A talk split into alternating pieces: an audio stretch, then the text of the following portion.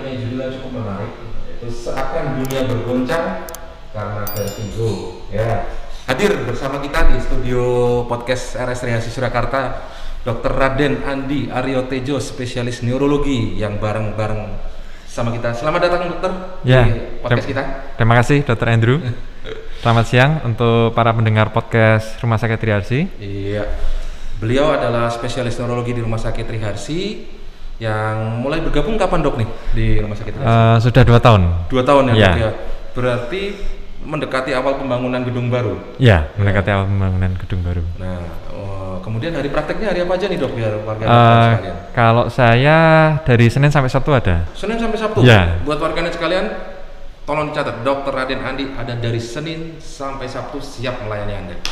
Ya, jadi nanti kalau ada keluhan-keluhan yang terkait neurologi mungkin kalau di eh, warganet sekalian lebih awam spesialis syaraf zaman dulu. Cuman karena kalau syaraf kan sekarang lebih dikembangkan lagi ada bedah syaraf segala macam. Nah, spesialisnya berganti menjadi neurologi. Jadi Ya, ilmu betul. tentang susunan syaraf ya, Dok. Ya, betul sekali. Oke dok, siang hari ini bareng-bareng kita mau ngobrol. Saya sebagai dokter praktek pribadi itu kadang banyak nemuin kasus vertigo. Ya. Ini kan kasus yang sebenarnya banyak orang nggak tahu. Nah, bedanya vertigo sama pusing biasa tuh apa sih dok sebenarnya? Nah, itu mungkin yang sering kali pasien salah untuk mendeskripsikan gejalanya ya. Betul, betul. Kadang pasien mengalami pusing berputar tapi mengatakan nyeri kepala. Hmm. Tapi kadang juga mengatakan nyeri kepala tapi sebenarnya pusing berputar.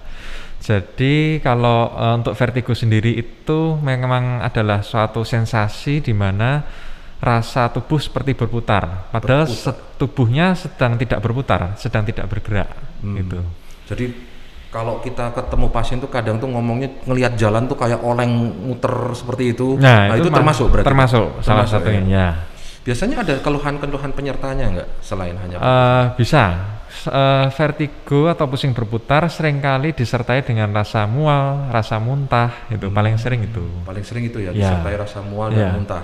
Buat warganet jadi tolong dibedakan nyeri kepala dan kepala yang keluhannya serasa berputar. Nah kalau udah serasa berputar lihat jalanan kayak mau bergerak muter gitu, kemudian eh, keseimbangannya mungkin terganggu juga ya. Keseimbangan pasti terganggu. Keseimbangannya terganggu disertai mual muntah itu mungkin vertigo. Nah dokter eh, Andi nih kita panggilnya dokter Ya. Andi ya. Kalau penyebabnya sendiri sebenarnya apa sih vertigo nih dok? Kalau vertigo secara umum sendiri sebenarnya terbagi menjadi dua. Ada vertigo perifer sama vertigo sentral. Jadi disebabkan oleh gangguan di sistem saraf tepi dan ada gangguan sistem saraf pusat.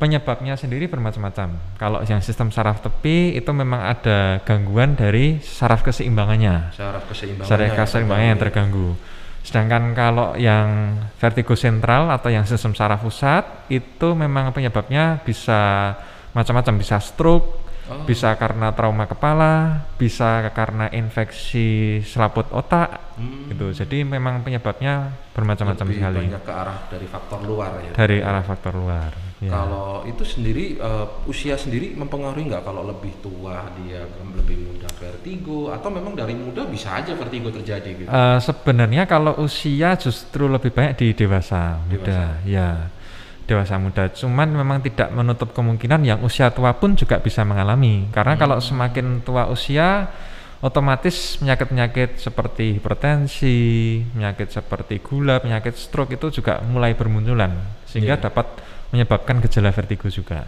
Oh, kalau di usia muda malah lebih mudah, eh, lebih banyak. Banyak juga, iya. Terjadi ya. Banyak Itu terjadi biasanya juga. kalau di usia muda lebih ke arah yang perifer atau sentral dok?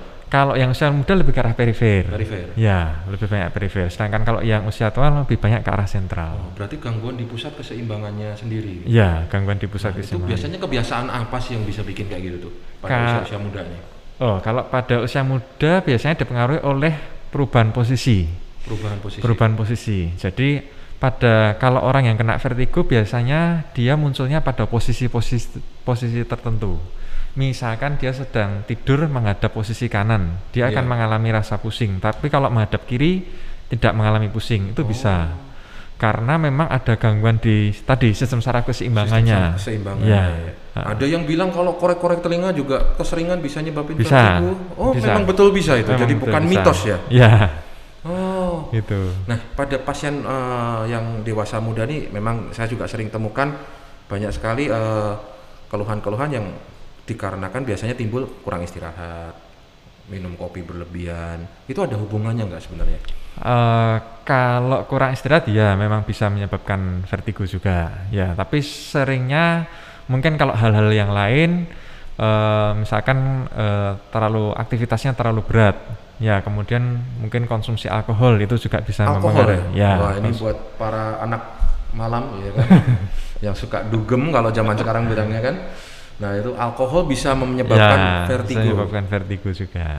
Wah, saya baru tahu untuk saya udah berhenti. Kelepasan kan? oh, berarti eh, pada usia muda ini lebih arah ke istirahatnya harus cukup, kemudian eh, kurangi konsumsi alkohol kalau bisa berhenti kan ya, Ya, dok ya kalau ya. kalau ya Eh, pada vertigo-vertigo seperti ini. Nah, kalau seperti itu tuh eh, gimana sih kita bisa kalau udah kena nih? Gimana kita bisa untuk nggak kambuh-kambuhan? Apakah itu akan kambuh-kambuhan terus atau bisa sembuh sempurna sebenarnya? Ya, sebenarnya kalau yang dari vertigo sistem saraf tepi atau perifer itu sebenarnya bisa sembuh, Bisa sembuh. ya? bisa sembuh. Untuk penanganan awal sebenarnya kalau pada saat mengalami serangan itu sebaiknya memang memejamkan mata dan duduk memejamkan mata dan, dan duduk. duduk. Ya. Tapi kalau misalkan sedang posisi tiduran atau posisi tertidur, diusahakan menghindari eh, arah di mana dia mengalami vertigo. Misalkan ya pusingnya. Misalkan dia eh, menghadap kiri mengalami vertigo, berarti dia harus menghindari arah kiri. Dia me- le- lebih cenderung telentang atau ke arah kanan. kanan. Dan berusaha tem- tidurnya agak posisinya agak lebih tinggi, bantalnya agak tinggi. Bantalnya lebih tinggi. Iya, Oh, bantalnya. bantal mungkin. Iya. Oh. Nah, Kemudian kalau untuk eh, penanganannya sendiri nanti memang ada eh, ada obat-obatan maupun dengan menggunakan manuver-manuver khusus. Hmm. Ya, ada manuver-manuver khusus yang kita ajarkan supaya nanti vertigonya dapat hilang. Oh. Manuver khususnya nggak masuk fisioterapi ya, berarti eh, memang hanya bisa dilakukan sendiri di rumah. Ya, eh, manuver khususnya itu bisa dilakukan sendiri di rumah bisa atau dengan bantuan oleh dokter juga bisa. Oh, oke. Ya. Ya buat warganet yang usia muda nih, eh, hati-hati pada saat perubahan posisi, ya. Apalagi kalau lagi kambuh, usahakan untuk menutup mata, duduk dulu terlebih dahulu sampai tenang. Soalnya kan bahaya juga kalau lagi naik kendaraan atau apa, Ya. Anda tiba-tiba kambuh kan cukup berbahaya. Nah kalau pada yang usia tua tadi lebih banyak cenderung karena ada faktor komorbid lain ya dok. ya? Ya, faktor komorbid lain. Jadi seperti diabetes, hipertensi itu memang mempengaruhi eh, Ya. keluhannya. Ya, mengaruhi keluhannya. Berarti kalau yang tua mungkin lebih ke arah terkontrol ya dok ya, Eh, ya, lebih ke arah terkontrol. lebih ke arah terkontrol. Untuk makanan-makanan sendiri, minuman apa gitu ada yang bisa Eh, memicu nggak sih dok sebenarnya? Kalau untuk makanan dan minum sebenarnya tidak ada ya, tidak ada yang memicu ke arah vertigo, tidak ada. Murni hanya paling sering dari aktivitas, aktivitas perubahan posisi kepala itu paling sering pengaruh itu. Nah, kan tadi bisa dengan terapi-terapi biasa. Kadang di FKTP di dokter pribadi kan sudah ngasih satu jenis obat membaik. Kapan sih kita eh, secara pribadi nih saya memilih harus ke spesialis nih pada saat seperti apa ke kok eh, beratnya kayak apa sih kita sampai oh ini harus ke spesialis nih nggak bisa lagi cuman minum obat biasa gitu. Ya, jadi kalau vertigo yang kita tangani itu biasanya memang kalau keluhannya dia tidak hilang-hilang. Hmm. Jadi munculnya sering terus-menerus ya. Kemudian apabila disertai mual muntah hebat. Kadang disertai mual muntah hebat itu juga harus segera ke dokter ya, ke dokter khususnya dokter spesialis saraf atau neurologi ya.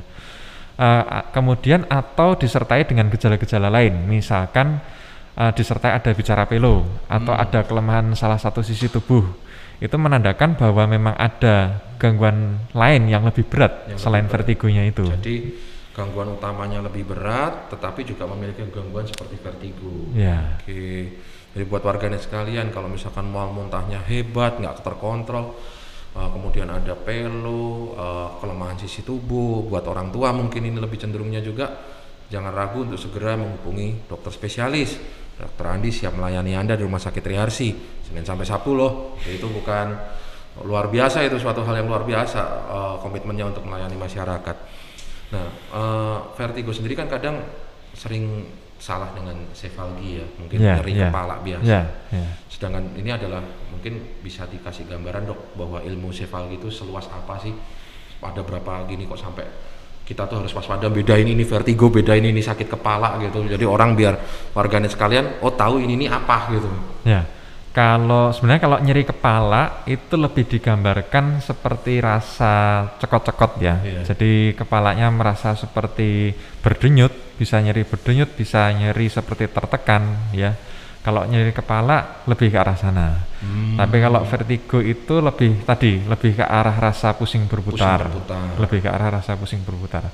Walaupun memang ada penyakit yang memang munculnya bersamaan antara nyeri kepala dan pusing berputar bisa muncul bersamaan. Hmm. Bisa muncul bersamaan. Bisa muncul bersamaan. Contohnya misalkan pada migrain vestibular namanya. Grand vestibular ya. Ya, kalau migrain vestibular jadi dia ada dua gejala yang bersamaan yaitu nyeri kepala dan pusing berputar. Oh. Ya. Jadi itu migrainnya tapi di area vestibular. Mungkin Ya. vestibular itu area keseimbangan Area yang ada di keseimbangan telinga tadi. ya, Dok. Ya, betul sekali. Nah, kalau kayak gitu mungkin juga perlu dicermati juga pada saat eh, ada gangguan organ enggak juga ya, Dok ya. Ya. Kalau kayak gitu. Kalau gangguan organ ya paling sering ya telinga ya karena terus terang kalau saraf keseimbangan itu letaknya eh, salah satunya ada di dalam telinga Hmm. sehingga apabila ada gangguan organ dalam salah satunya organ telinga ya itu juga bisa mempengaruhi keseimbangan tadi. Oke, jadi warganet sekalian hati-hati dan jaga telinga Anda. Waktu itu sudah dokter Neti kasih tentang pendengaran ya kan. Ini dokter Raden Andi juga jelasin bahwa gangguan keseimbangan pun bisa dipengaruhi karena organ keseimbangannya ada di dalam telinga. Kalau pengen search di Google mungkin rumah siput ya namanya Ya. atau koklea. Itu memang sangat berpengaruh pada keseimbangan kita. Jadi buat kaula muda, lifestyle yang baik, olahraga itu juga berpengaruh ya dok untuk meningkatkan kes- ini kemampuan daya tahan tubuh ya. Ya, di era-era COVID-19 yang belum selesai-selesai ini nah, olahraga makanan sehat yang pasti ya dok. Ya. nah berarti kan kita udah tahu nih eh, kalau itu tuh pencegahannya untuk nggak sampai jadi vertigo atau tanda-tanda awal gitu-gitu ada nggak sih dok? Eh, biasanya kalau pada penderita vertigo sendiri biasanya yang sudah lama ya penderita yang sudah lama biasanya sudah tahu dia eh, kapan dia posisi mana yang harus dihindari itu sudah tahu. kapan mau kambuh dia Ya, udah tahu kapan dia udah harus kambuh. dia berhenti sendiri istirahat Ya. cari obat gitu Ya, ya. Dia Jadi udah tahu. itu kalau kita ngomong dia datang sewaktu-waktu tanpa eh, maksudnya kita eh, nggak nggak bisa ngehindarin kalau itu terjadi gitu. Sulit, sulit. Sulit. Ya, Sulit untuk dihindari Ya, sulit untuk dihindari. Nah, saya sendiri kan kadang juga ngalamin pusingnya sebelah matanya tuh kayak ditekan dari belakang. Nah kalau itu kan mungkin lebih ke arah migrain ya, bukan Hmm. ya, lebih ke arah migrain. lebih ke arah itu. migrain ya, bukan Ya. vertigo ya. Jadi harus bisa memilah-milah karena obatnya beda. Karena obatnya beda. obatnya beda, jangan salah minum obat. Ya. Vertigo minum panadol, eh kok merek maaf minum paracetamol mungkin juga tidak terlalu berpengaruh. Ya. Ya gitu, informasi dari Dr. Aden Andi ini. Nah, untuk ke depan kalau kita sudah eh, menjaga semuanya, kita harapkan keluhannya bisa kalau yang usia muda bisa sembuh, kalau Ya. yang tua lebih terkontrol ya. Lebih ya. terkontrol. Berarti kalau pada pasien-pasien darah tinggi, stroke, diabetes itu benar-benar gulanya harus dijaga, obatnya harus dijaga, makanannya pun Harus dijaga. Ya. Oke, begitu warganet sekalian, sekilas mungkin sedikit banyak ya tentang vertigo bersama Dr. Andi, spesialis neurologi. Eh, kalau pengen konsultasi lebih jauh lagi, ternyata keluhannya lebih luas dari itu, ada tambahan-tambahan apa lainnya, monggo, nggak usah takut, nggak usah bimbang, datang ke rumah sakit Rearsi, daftar ke kliniknya Dr. Aden Andi, ya. Dan nggak usah takut juga rumah sakit Rearsi sudah menerapkan protokol kesehatan sesuai dengan arahan dari Kementerian Kesehatan. Jadi tetap kita jaga jarak, pakai masker, 5M, kita lakuin semua. Dan kita ngucapin terima kasih banget nih Dr. Sama-sama. Ngobrol siang hari ini. Sama-sama Dokter Banyak Andrew. sekali informasi yang kita terima. Jangan lupa warganet sekalian untuk subscribe di YouTube channel Triharsi Rumah Sakit Triharsi Surakarta. Like, komen, dan juga follow Instagram kami di RS Triharsi Surakarta. Kam saya, Dr. Andrew Santoso, dan Dan saya Dr. Aden Andi Aryo Tejo, spesialis neurologi. mengucapkan salam Triharsi, sehat, bahagia, sejahtera. Terima kasih dokter. Terima kasih. Sampai ketemu lagi. Sampai ketemu. Ciao.